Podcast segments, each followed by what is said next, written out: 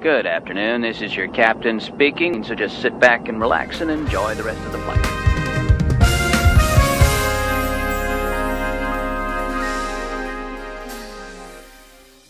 Satu tiga tiga, satu tiga tiga. This is your captain speaking bareng Mika dan Indira, yeay. Mau ngapain nih dir kita di podcast yang sekarang ini? Ya, jadi hari ini pas banget nih, Mik. Kita dikunjungin tamu spesial banget nih. Waduh, siapa tuh kalau boleh tahu tuh? Ya, jadi kita dikunjungi sama kapten kita yang paling keren ini.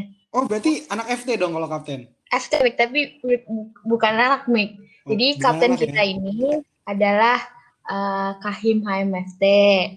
Terus aktif banget di himpunan. Wallet Fisbang. Banyak deh. Daripada ngobrol-ngobrol gini, mendingan langsung kenalan aja kali ya yang bapaknya biar lebih asik ya. Ya, Eh, selamat. selamat siang, pagi, Pak. siang, malam ya Pak. Karena yang dengar kan banyak. Selamat ini. siang. Selamat siang Indira sama Mika. Jangan panggil Pak dong. Oh iya. Iya, Panggilnya makanya- Mas ya Pak ya? Agak agak kagok memang Mas jadinya kalau manggilnya Anggap aja anak muda masih tenang aja. Terus Iya, langsung kenalan aja Mi. Oh iya langsung ya. Berarti sebenarnya se- kita mau tanya dulu sih Mas Tresno sekarang lagi sibuk apa sih? Misalnya lagi ngurus apa gitu atau ada ada misalnya megang apa di suatu tempat? Boleh diceritain dong Mas? eh, mungkin apa ya? eh, mau cerita dari mana nih? Dari Kalau mungkin sekarang kegiatannya usaha sendiri sih. Oh, iya. Jadi saya udah udah usaha sendiri sejak sejak tahun 90 udah usaha sendiri. Hmm, Jadi gitu. Sejak lulus S eh, cerita sedikit tentang lu- abis lulus FT ya. Iya, tolong. gitu ya. Jadi setelah lulus FT itu saya tadinya kan diminta sama Pak Gianto untuk jadi dosen. Cuma aku waktu itu belum siap. Saya bilang kalau dosen nanti nggak ada duitnya. Saya bilang gitu. Jadi saya mau kerja dulu. jadi akhirnya saya kerja kerja dulu di pernah kerja di dua perusahaan multinasional ya. Pertama di Philips. Waduh. Pernah tahu Philips Iya. ya lampu ya saya kerja tujuh tahun di sana benar-benar mulai dari bawah tuh karena Fisbank ya Philips kan Iya. cocok ya kan desain lampu tuh Iya. selama tujuh tahun terus pindah ke sepatu bata eh, manajer di sana Hmm. habis itu aku ambil S2 di IPMI kalau pernah dengar IPMI yang di Jakarta ambil S2 ambil MBA nah setelah itu wirausaha deh setelah itu dan ya, banyak lah usaha-usaha yang dicoba jatuh bangunnya sih jangan ditanya deh bangkrut berapa kali udah tiga kali bangkrut ya. Sampai akhirnya eh, sekarang di sejak udah 24 tahun sih wirausaha di bidang retail ya. Saya sekarang di bidang retail gitu. Hmm. itu ceritanya. Berarti sekarang udah lama usahanya udah baik, jadi tinggal sering di rumah dong, Pak. Iya, ini kebetulan retailnya juga retail yang enak, jadi artinya eh, nggak harus diurusin sih, udah bisa running sendiri. Jadi saya lebih banyak Hmm. ke sekarang kegiatannya justru yang nggak bisnis ya, Iya. bisnisnya masih dijalanin, cuma eh, saya ada kegiatan-kegiatan lain yang yang program-program yang saya lagi jalanin ya. Hmm. Eh, nanti eh, salah satunya misalnya eh, ada program yang namanya Inner Voice itu adalah membantu eh, teman-teman yang belum tahu eh, apa ya eh, passionnya passionnya dia mau ke mana gitu. Eh, beda sedikit sama passion. Kalau passion kan ya teman-teman mesti tahu passion ya. Kalau yang program saya Inner Voice itu eh, seperti passion, tapi ujungnya eh, harus bermanfaat orang banyak gitu. Kurang lebih kayak gitu. Kalau boleh tahu, tadi saya sempat ngobrol nih sama eh, Mas Kresno nih awal-awal sebelum podcast ini itu kalau boleh tahu yang websitenya itu kayak gimana ya, Mas ya? Saya penasaran. Ah, nanti aku kasih deh. Itu judulnya find the inner voice ya .com. Eh, buka aja di situ ada beberapa kegiatan saya yang dari sisi bisnisnya, kemudian eh, dari sisi apa namanya tadi membantu teman-teman yang yang masih kesulitan mencari passionnya Hmm. itu ada satu di situ juga. Itu biasanya yang Satu lagi ikut saya juga nulis. anak-anak umur berapa Pak? Atau mungkin udah kerja kah atau udah masih aja sih. kuliah? Ada juga orang yang teman-teman saya saya angkat aja nggak ngerti dia mau ujinya mau apa. Jadi passion sih banyak juga orang yang udah usia masih belum tahu passionnya tuh kadang-kadang. Waduh. Nah, Ini bagus banget nih buat pendengar semuanya yang dengerin podcast ini. Mungkin nanti bisa langsung dicek di website aja ya Pak. Nanti uh, kita link di bawah di description box. Iya boleh boleh boleh. Biar anak-anak FT yang sekarang juga bisa langsung check in biar tahu passionnya apa gitu Pak ya. Uh, uh, kan lebih enak kan kalau yeah. kita tahu ujungnya mau apa, kita akan semangat nah, kerjain. Betul sekali sih. Ya. Jika ada bingung semua orang. FT usah bingung. Pilihannya banyak ya bang kalau FT soalnya. Terus gimana gitu? Uh, ini nih Pak, jadi saya nih dengar huru hara, bukan huru hara. Jadi saya dengar tuh Bapak dulu aktif sekali di himpunan. Mungkin uh, mau cerita-cerita sih mumpung sekalian ini kan kita barusan ada angkatan baru yang masuk. Mungkin bisa diceritain dulu uh, waktu osjur itu gimana ya Pak? Waktu ospek jurusan waktu tahun berapa? Zaman saya sih masih zaman jahiliyah dulu tuh. Boleh diceritain nggak Pak kayak gimana tuh metodenya mungkin? Atau dulu tuh uh, saya tuh masuk 79 kan teman-teman tahu ya kalau 78 tuh kan uh, lagi rame-ramenya di kampus tuh. Hmm. Benar nggak? Iya. Itu kan zaman zamannya militer mau masuk kampus tuh. Oh iya iya. Jadi uh, uh, saya udah lewat sih. Terus ada zamannya pernah dengar NKK BKK nggak? Oh iya. KK itu normalisasi kehidupan kampus hmm. ya itu di mana uh, kegiatan kampus dibatasi karena kan dulu uh, banyak yang ITB kan terkenal tukang protes dulunya tuh kan pemerintah. jadi jadi dibatasi tuh kegiatan di kampus gitu ya kan. Ya jadi rame lah ya karena uh, antara uh, apa namanya uh, kita maunya benar-benar dipilih dari bawah tapi kan eh, apa namanya pemerintah maunya jurusan ikut ambil peran di dalam pengurusan himpunan dan seterusnya gitu. Itu rame itu nah pada saat-saat itu yang kalau kalau tanya tentang ospek sih eh, ospeknya ya eh, zaman saya itu eh, apa ya eh, kan eh, ospek kan unik tuh kayak kayak dilarang dilarang enggak tapi di ini juga enggak gitu kan yeah. jadi uh, pada zaman saya kebetulan uh, hubungan saya dan dan uh, apa dosen-dosen itu bagus ya yeah. karena zaman saya ketua himpunan itu prinsip saya sih sederhana jadi karena kita juga uh, apa namanya uh, datang ke kampus ini kan untuk belajar setuju nggak? Setuju dong. Setuju. Jadi harus seimbang tuh antara ya, antara kegiatan uh, himpunan Betul. sama uh, kegiatan akademik tuh harus seimbang. Jadi nggak jadi nggak menjadi alasan mengurus himpunan terus jadi angkanya nilainya jelek-jelek oh, nggak ada gitu dong. gitu gitu. Uh -uh. Jadi dan alhamdulillah sih teman-teman yang ngurus himpunan tuh uh, bahkan beberapa uh, lulus yang pertama tuh di, di hmm. apa namanya di di angkatan ya. Jadi uh, itu yang yang akhirnya hubungan dengan dengan fakul dengan dosen fakultas itu baik. Jadi dalam mengadakan mengadakan ospek uh, ya kalau saya nggak tahu sih sebelum sebelumnya memang uh, pernah nggak saat ini dengar eh, masih ada nggak sih ospek? Masih ada pak. Ini lagi disiapin malah pak. Oh gitu. Saya nggak tahu bentuknya apa kalau dari yang yang angkatan saya ya dulu tuh biasanya ospeknya di luar kota. Oh. oh. Itu di luar kota saya ingat banget di tempat waktu angkatan saya tuh di Patenggang tuh. Itu benar-benar ospek yang ini deh. Tapi berkesan sih sebetulnya. ya. Dan ada yang namanya panitia resmi, ada yang namanya panitia swasta. Di sini masih ada nggak sama? Panitia apa? Panitia, kita ada yang namanya panitia resmi. Panitia resmi itu yang dari himpunan. Oh. Ada juga panitia swasta. Panitia swasta tuh isinya senior-senior yang angkatannya udah tua-tua tuh. Oh, ada-ada. Kalau sekarang tuh beda gitu Pak jatuhnya Pak. Kenapa? Kalau sekarang tuh jatuhnya tetap uh, yang adanya tuh panitia dari himpunan itu dari yang angkatannya yang baru di osjur tahun kemarin sama nanti swastanya sendiri mungkin ada acaranya sendiri gitu loh Pak. Tapi nggak jadi panitia oh. sih. Iya. Iya, kalau di, dulu sih ya gitu, tapi panitia swasta tuh kerjanya ngerjain orang aja. Iya benar. Sampai sekarang sih Pak.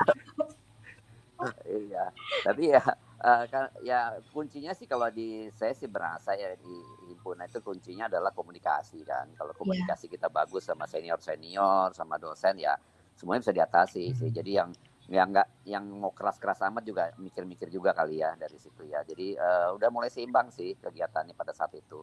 Padahal kalau saya dengar sebelum-sebelumnya lebih lebih lebih apa namanya lebih keras lagi ya speknya ya. Uh, Dan setelah dan setelah saya setelah angkatan saya saya masih terus ngamatin kan eh, Iya. sampai tahun tiga empat tahun ke- berikutnya sih lebih lembek lagi lebih lunak lagi sih ospeknya gitu itu yang saya alami ya kalau dari sisi ininya ya kalau jangan tanya keras sama enggaknya ya, ya relatif lah Dulu cerita-cerita Ya. uniknya gitu ada nggak Pak? Lagi di mungkin lagi dijailin gitu sama kakak swasta-swastanya gitu oh Pak? iya Iya. dulu kalau di Patenggang tuh dulu kita kalau bangun pagi tuh jam 4 ya jam 4 pagi itu eh, hanya pakai celana Iya. dalam. Masuk ke dalam kali di situ di Patenggang tuh kan ada itunya jadi sampai berasap-asap gitulah. Eh, saya nggak tahu sekarang ada nggak itu tuh benar-benar itu yang jahiliyah lah menurut saya. Tapi ya berkesan sih ininya ya karena kedekatannya kan di situ. Cuma yang Iya. harus lihat, eh, Kalau- Indira kalau ospek memang biasanya banyak hal-hal lucu yang terjadi gitu diingat sampai nanti Iya, heeh. Yang perlu di- diperhatikan sih sebenarnya adalah ininya aja sih keselamatan itu kan itu penting ya karena uh, akses dari dari itu yang kadang-kadang yang kita nggak bisa nggak duga kalau emang kita nggak bisa kontrol gitu. Mhm. Hmm. Banyak sih kan saya eh, itu oh iya itu yang itu yang ospek ya kan masih banyak lagi kegiatan-kegiatan yang menarik sih menurut saya ya. Ya. Kalau dulu itu banyak ya Pak yang ikut ospek gitu. Hampir, semua semuanya satu angkatan juga ya. Hampir semua, hampir nggak ada yang nggak ikut sih. Paling hanya dua tiga orang yang masalah kesehatan kali ya, yang Hmm. yang dia. Oh jadi dulu tuh orang nggak ikut Oh. ospek gitu eh, gara-gara kesehatan gitu Pak, bukan karena nggak mau gitu ya Pak? Iya, karena Hmm. memang mungkin dia secara ini memang fisiknya nggak memungkinkan ya kita nggak nggak paksa dia kan untuk bisa ikut ospek. Cuma biasanya kan Iya. kita kaitkan sama kul dulu biasanya sama kulker tuh. Biasanya kalau dia nggak ospek ya nggak bisa ikut kulker. kan eh, yang pernah pasti Oh. nggak ngurus kulker. Oh, beda banget berarti. Sekarang udah beda Pak. Sekarang kulker nggak dari himpunan. Udah, dari mana? Diurus sama jadi diurus sama prodi. Oh, di- Terus nanti minta tolong sama angkatan yang bersangkutan buat milih ketuanya siapa gitu. Jadi nggak nggak dari himpunan. Dari angkatan tuh jatuhnya. Oh gitu. Iya, kalau saya kita bagian iya sih sebenarnya angkatan bener sih angkatan tapi eh, karena dulu angkatan kami yang eh, yang ngurus himpunan sebanyak banyak juga yang satu angkatan jadi eh, bisa berdua-duanya sih. Ya emang ada khusus ya yang Hmm. kulker itu ya. Jadi persyaratan Iya, tuh jadi kalau ikut ya. Iya. Sekarang kalau misalnya nggak ikut nggak maksudnya nggak masuk ke himpunan, tapi tetap masih bisa ikut kulker gitu. Oh gitu sekarang gitu ya. Gitu. Ya sekarang gitu. Iya karena dulu bukan bukan yang Um, bukan dari dari apa namanya kalau kulker itu yang Prodi. ngurusin bukan prodi jadi kita yang nyari uang dan seterusnya kita Iya. sendiri yang nyari uang tuh dari dari pengurusnya. Oh iya. Hmm, jadi kita bisa Iya, nentuin iya, boleh dia nggak boleh ikut nggak bisa. Oke. Wah seru juga ya. Kalau sekarang sih kayaknya uang apa dari dari prodi juga dapat lumayan banyak. Oh gitu semua atau ditanggung semua sama ini. Saya kurang tahu ya. Jadi saya tahun ini tuh eh, kulkernya diundur gitu Pak karena ya masalah pandemi. Pandemi, ya. Kemarin tuh teman saya ada yang apa ada yang udah jadi udah terpilih ketua kulkernya, pengurusnya udah ada. Tapi ya gitu biasanya di inisiatifnya awalnya dari prodi jadi dari prodi nyari ketuanya ada yang mau jadi ketua apa enggak gitu Oh oke. tuh jadi nanti angkatan milih kira-kira siapa yang cocok jadi ketua terus udah ada udah dapet di, dikasih ke prodi gitu Hmm, ya oke. Oh kalau dulu dulu kita bener yang ngurus tuh jadi prodi udah hanya tahu beresnya aja. Hmm. Saya ingat banget ada oh kejadian unik tuh dulu eh, almarhum eh, ingat Pak Prapto Widodo ya? Iya. Profesor ya? Dia nggak dia belum profesor ya yang terakhir ya. Kan eh, udah men- wafat ya baru dua tahun lalu kalau nggak salah. Dulu jadi ketua jurusan tuh dia. Jadi saya ingat kita mau ngurus apa namanya ngurus surat untuk izin ke ke mana? Ke tentara dan seterusnya untuk kan masa zaman zamannya ingat tuh 79 kan zaman zamannya masih eh, apa di, em, apa di diawasi kan di ITB terus eh, kita ngurus Iya. tuh pa- diminta foto-foto dari ketua jurusannya gitu. Pak dengan dengan gampangnya Pak Proto kamu cari aja teman kamu yang mukanya tua kasih aja fotonya dia katanya. Kita kan temennya kita ada namanya Sukri itu dikasih aja foto dia bilang, bilang ketua jurusan. Udah beres. Saking dekatnya tuh sama sama ketua prodi itu ada Ini Mika nih Pak yang mau banyak-banyak tanya nih seputar Osjur karena Mika ini lagi ngurus Osjur. Iya kebetulan lagi angkatan aku lagi osjur setiap malam juga karena lagi online gini kan jadi caranya beda banget gitu kan Pak ya.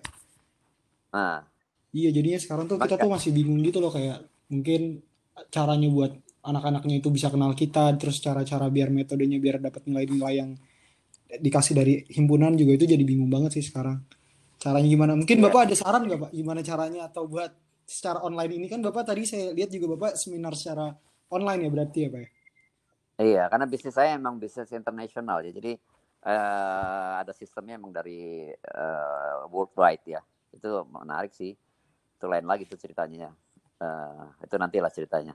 Tapi kalau sekarang secara online ini mau mau ospek gimana caranya? Nah, nanti juga harus kreatif sih. Iya, eh, bisa sekreatif mungkin ya. Saya lihat sih sekarang eh, tergantung kita ya. Dengan adanya kita pakai eh, ini kan teknologi sekarang udah luar biasa ya. Saya kemarin ikut ikut apa namanya? Saya lihat kemarin kalau nggak salah ada eh, paduan suara mahasiswa ITB itu bikin apa namanya eh, online apa paduan suara ya kalau nggak salah kemarin tuh bagus banget loh dia bikin. Oh iya, Mm-mm. Iya. Jadi harus bikin kreat kreatif mungkin acara-acara yang memang bisa me- melibatkan eh, walaupun nggak ketemu muka ya, kan agak susah nih kan Iya. ketemu muka. Tapi cari-cari eh, ide-ide yang ini ya, ide-ide yang bisa apa namanya eh, eh, sekreatif mungkin maksud saya dengan memanfaatkan teknologi seperti ini.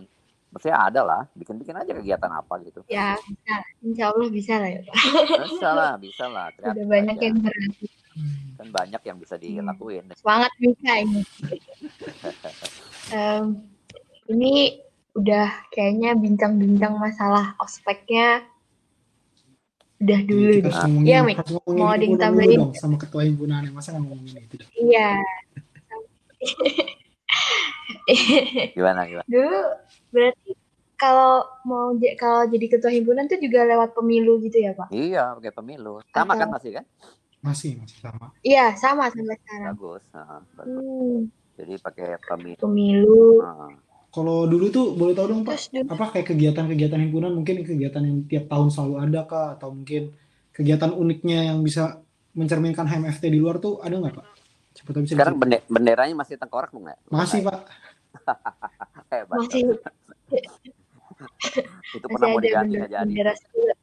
Iya kalau kalau kegiatannya sih eh, yang yang rutin kan ospek, wisuda masih kan dipegang sama himpunan kan wisuda. Ya, Itu kemudian kulker dulu kita kulker tuh saya aja sampai dua kali tuh angkatan saya tuh kulkernya kita yang ngurusin sampai nyari duitnya. ke mana aja tuh Pak? Yang pertama ke Bali dulu sampai ke Bali loh. Wow, Mm, jadi ke Surab eh, mampir tuh ke pabrik-pabrik sepanjang jalan tuh dari Hmm. Bandung sampai Bali. Yang kedua di Wow. Jakarta. Dan itu hampir full sponsor loh. Jadi kita nyari belajar nyari uangnya dan seterusnya tuh untuk nyari sponsor dan seterusnya. Hmm. Jadi di situlah kita Keren. belajar ya untuk untuk eh, apa namanya kan di situ just- saya eh, yang kepake justru ilmu-ilmu itunya loh daripada ilmu FT-nya. Apalagi nih bisnis ya Pak, lebih banyak ngobrol ngomong sama orang, interaksi sama orang. Iya betul. Nanti kita ngobrol itu. Terus eh, saya juga dulu ada program apa namanya teknologi tepat guna ya saya ingat banget tuh. Eh, kita bantu apa namanya di Subang kalau nggak salah itu. Eh, jadi menggunakan eh, ada teman saya yang memang kerjanya di di apa nama nama- namanya kalau eh, eh, lupa tuh saya namanya. Eh, yang biasa membantu desa-desa gitu. Jadi kita bikin teknologi tepat guna untuk desa-desa ya. Terus juga bikin apa? semacam KKN gitu pak Bukan. Oh, bukan. eh, eh, eh, jadi dulu bikin pemarut pakai eh, tenaga sepeda yang gitu-gitulah di, di Hmm. Subang. Oh, Jadi membantu pe- apa orang-orang kampung di sana gitu. Terus ngajar di panti asuhan. Jadi dulu, dulu program rutin tuh. Jadi kita ngajar anak-anak panti asuhan tuh uh, matematika lah segala macam gitu. Itu rutin tuh biasanya seminggu sekali kita di sana gitu. Apalagi ya yang saya ingat sih itu sih. Kemudian uh, uh, itu yang rutin. Dulu pernah ngadain lomba layang-layang tapi juga gagal tuh. Jadi jatuh bangun juga sih ngurus himpunan. Jadi ada yang berhasil, ada yang enggak gitu. Tapi buat saya sih enjoy aja karena hmm. uh, apa ya? Saya percaya banget uh, bahwa uh, apa ya kegiatan non kurikuler itu sangat membantu nantinya kalau sudah lulus gitu. Ya, karena uh, dari pengalaman, apalagi saat ini ya, saya lihat orang-orang yang eksis di luaran itu adalah orang-orang yang dulunya aktif karena hmm. yang uh, yang dipakai di di kehidupan kita nanti di sehari-hari kalau apalagi di level uh, udah manajer ke atas ya itu people skill soft skill itu lebih kepake dibandingkan dengan uh, apa namanya technical gitu di awal hmm. memang technical tapi kalau sudah sampai level-level yang di manajer ke atas uh, soft skill lebih banyak ya uh, leadership yang gitu-gitu nah itu dibelajar di mana kalau nggak belajar di kesempatan di kayak himpunan dan uh, apa uh, ada unit-unit kegiatan kan juga ada masih kan? Iya, masih ada masih. Iya, jadi uh, beruntunglah kalau teman-teman yang aktif di sana karena nanti itu yang akan banyak kepake percaya sama saya gitu. Dan orang-orang sekarang juga kalau uh, apa rekrutmen HRD itu akan melihat itu juga saat ini gitu. Uh, apa namanya uh, kemampuan soft skill itu penting gitu teman-teman sekalian. Itu menurut saya ya. Hmm. Jadi uh, pakailah kesempatan ini untuk untuk ngurus itu ya uh, belajar tentang uh, hubungan tentang manusia komunikasi dan seterusnya gitu kan itu nggak di, diajarin loh di FT kan iya organisasi gitu ya pak sering-sering iya betul setuju gitu. kalau itu kan tadi banyak banget ya apa kegiatannya. Kalau menurut uh, Mas Kresna nih apa sih yang paling berkesan dan yang sampai sekarang tuh masih diinget-ingat gitu? Selama jadi sama di HMFT atau selama jadi kahin? Ya hubungan antara ininya sih dekat ya karena kita sama-sama ngurus himpunan itu kan uh, itu kan non profit ya jadi suka rela kan. Iya. Jadi, uh, hubungannya itu erat sih antara teman-teman itu ya. Jadi sampai sekarang sih masih paling nggak kontak-kontakan juga masih masih ada gitu ya, ya apa namanya uh, saya ingat sekali saya nggak lupa ini loh uh, kita kan ngurus ini ya wisuda ya kadang-kadang ya Oh iya. Saya waktu terakhir ketemu Pak Prapto, uh, kita mm -hmm. ada reuni uh, 79 di kampus waktu itu.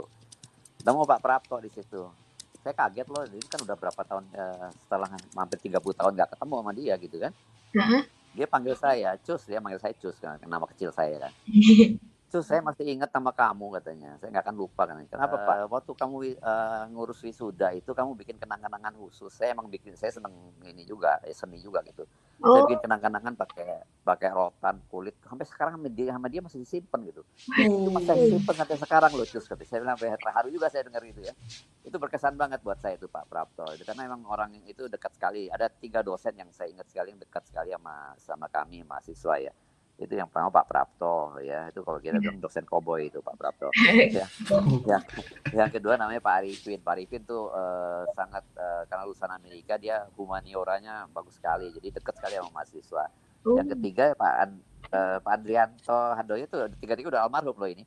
Hmm. itu pada saat itu jadi ketua jurusan pada saat saya jadi ketua himpunan tuh. Dan dia ternyata dia juga pernah jadi ketua himpunan makanya deket kita sama oh, dia. iya iya iya turun temurun ya dan Pak Adianto kalau ngajar luar biasa bagus sekali ya pendekatannya dan seterusnya memang kelihatan sih ya, karena memang dia uh, mungkin aktif, aktif di organisasi dulunya ya yeah. jadi uh, komunikasinya bagus yeah.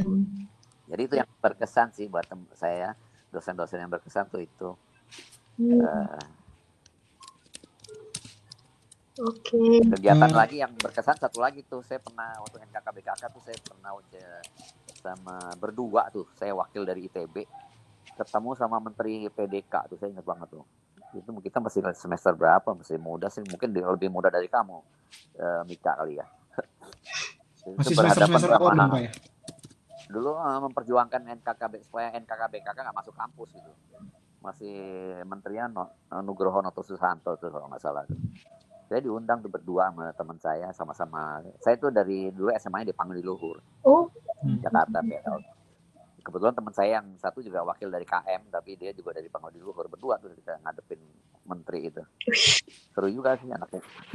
Perasaan sih. Masih semangat semangat Iya. Masih mahasiswa banget. masih mahasiswa banget ya. Gitu ya kira ya Eh, Berarti dulu mungkin Bapak Apa? pernah ikut demo gitu-gitu sering dong Pak berarti.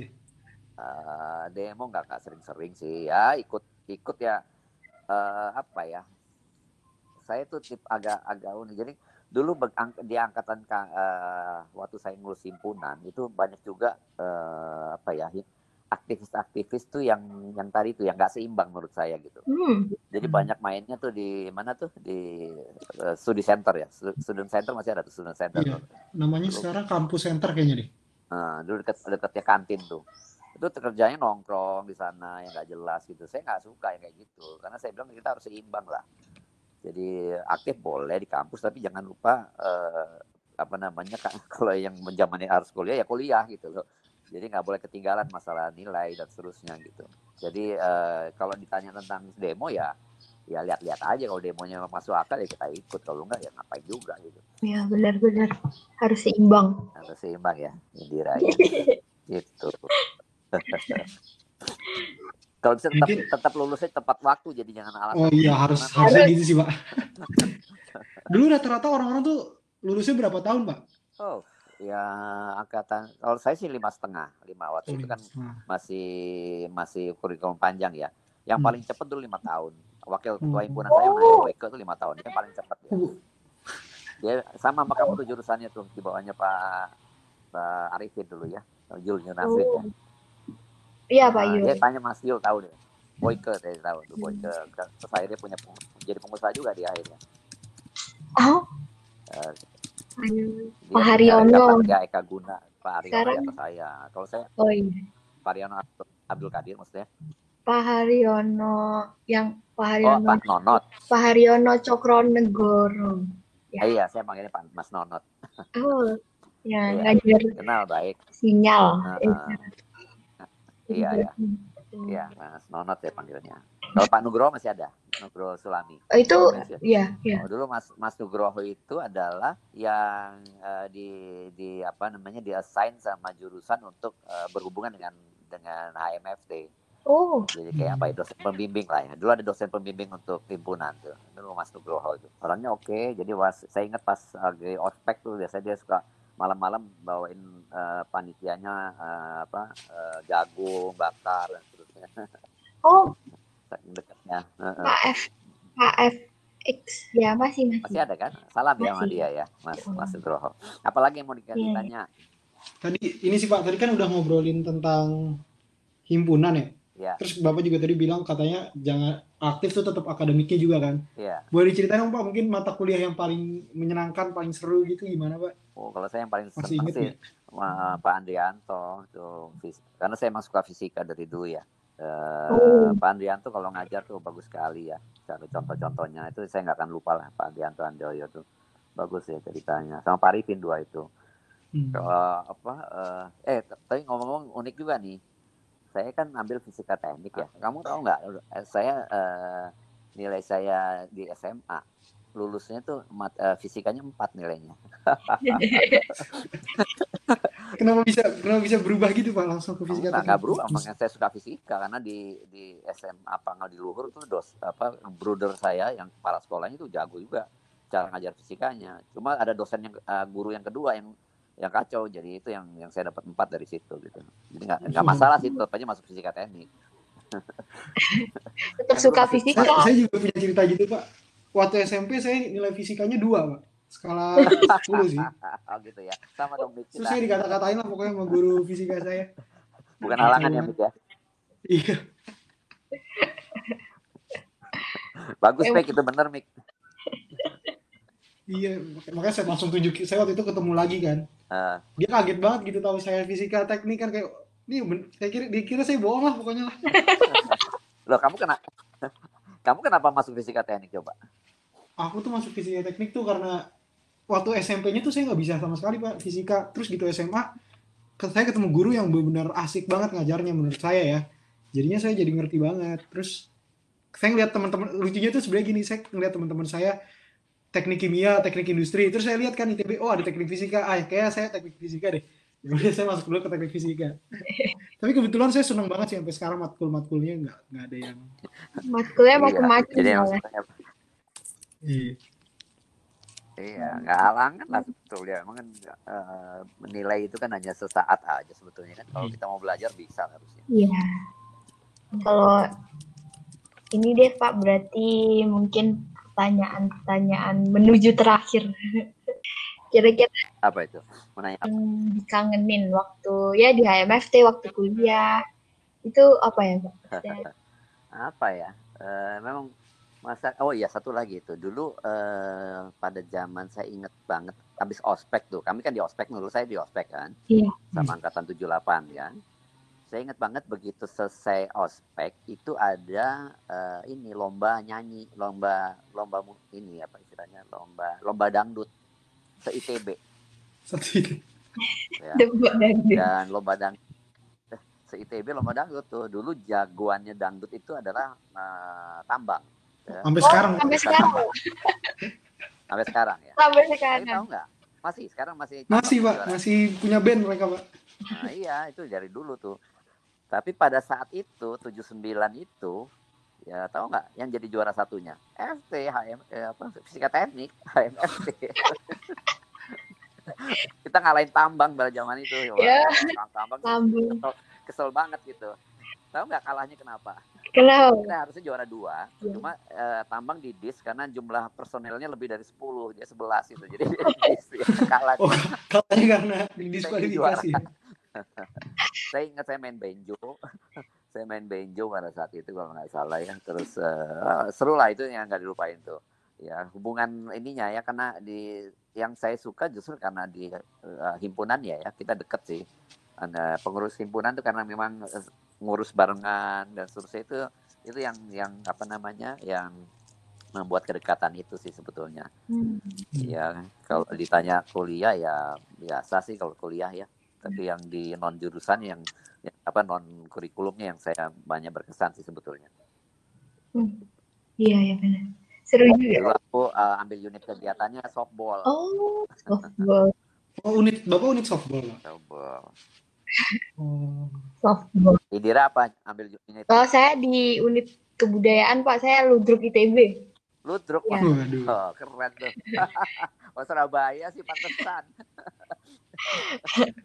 Main gede gitu-gitu sih Pak. wah seru dong kamu.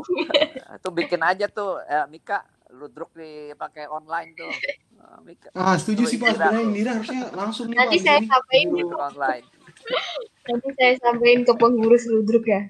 Nah, Ini kayak kita bikin Iya, main video online. Kalau Mika apa?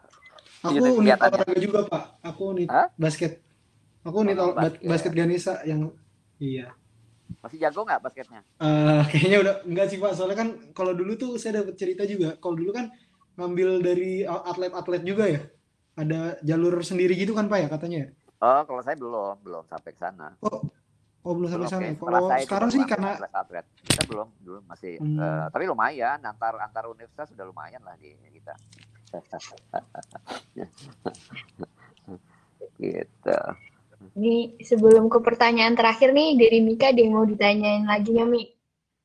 nggak ada Oh. sih udah terjawab sekali sepertinya sama bapaknya ini. Sama masnya sorry. Aduh, salah terus ya kita ngomong dari tadi bapak ya di sini ya. Kita perlu perlu perlu ketemuan di ini, jadi nggak ngeliat mukanya saya jadi jadi nggak nggak Iya sih Pak, harus banget sih Pak. Setelah ya, selesai corona-coronaan ini mu- harus banget sih Pak. kita ketemuan ya. Iya, boleh Pak. Atau Boleh boleh. Atau mungkin lah. kita boleh Masnya bisa kita ikut ngobrol-ngobrol. ini pas apa yang kayak nanti ada acara osjur gitu, mungkin masih boleh ngisi gitu. boleh aja kalau waktunya pas. Saya juga punya bisnis di Bandung sih. Oh. Eh, apa namanya? Ada grup di Bandung ya. Iya. Ntar kapan-kapan kita Oh iya, nanti kalau sudah ya sudah normal, sudah di Bandung semua bisa ketemu. Hmm, hmm, hmm. Oke, paling ini sih terakhir Bang, Eh, pesan-pesan buat ya. ya ini terakhir terakhir ini terakhir beneran. Terakhir Udah kayak udah kayak mau ke mana pakai pesan-pesan. sebelum podcastnya ditutup. Terakhir buat Iya, iya. pesan buat eh, anak-anak fisika teknik yang sekarang masih ya masih sering sekre eh, masih kuliah. Mungkin pesan-pesannya ada. Iya. Oke, mungkin apa ya? Kan eh, dulu saya ingat sekali zamannya kami dulu tuh orang masih bingung kalau yang fisika teknik itu eh, apa namanya nggak eh, antara elektro itu lebih jelas dan seterusnya gitu. Iya. Tapi saya beruntung sekali, mas- eh, merasa beruntung sekali masuk di fisika teknik, ya karena apa? Kita memang nggak dapat ilmunya secara mendalam ya, Benar. kelihatannya hanya di permukaan. Iya. Ya, tapi eh, menurut saya eh, seorang apalagi kalau kita menjadi aimingnya adalah pengen punya usaha sendiri ya. Eh, kalau yang ilmu yang yang lebih dalam-dalam kan kita bisa bayar orang. Iya. Kalau kita punya tahu lebih banyak sendiri. aspek itu kita nggak nggak Hmm. mungkin dibohongin Ya, orang. benar banget.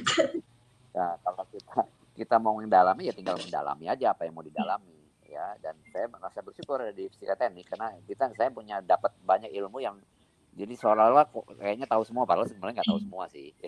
Tahu permukaannya Tapi aja. membantu- Iya, tapi itu membantu sekali dalam kita berhubungan Ah, iya orang. bener tuh.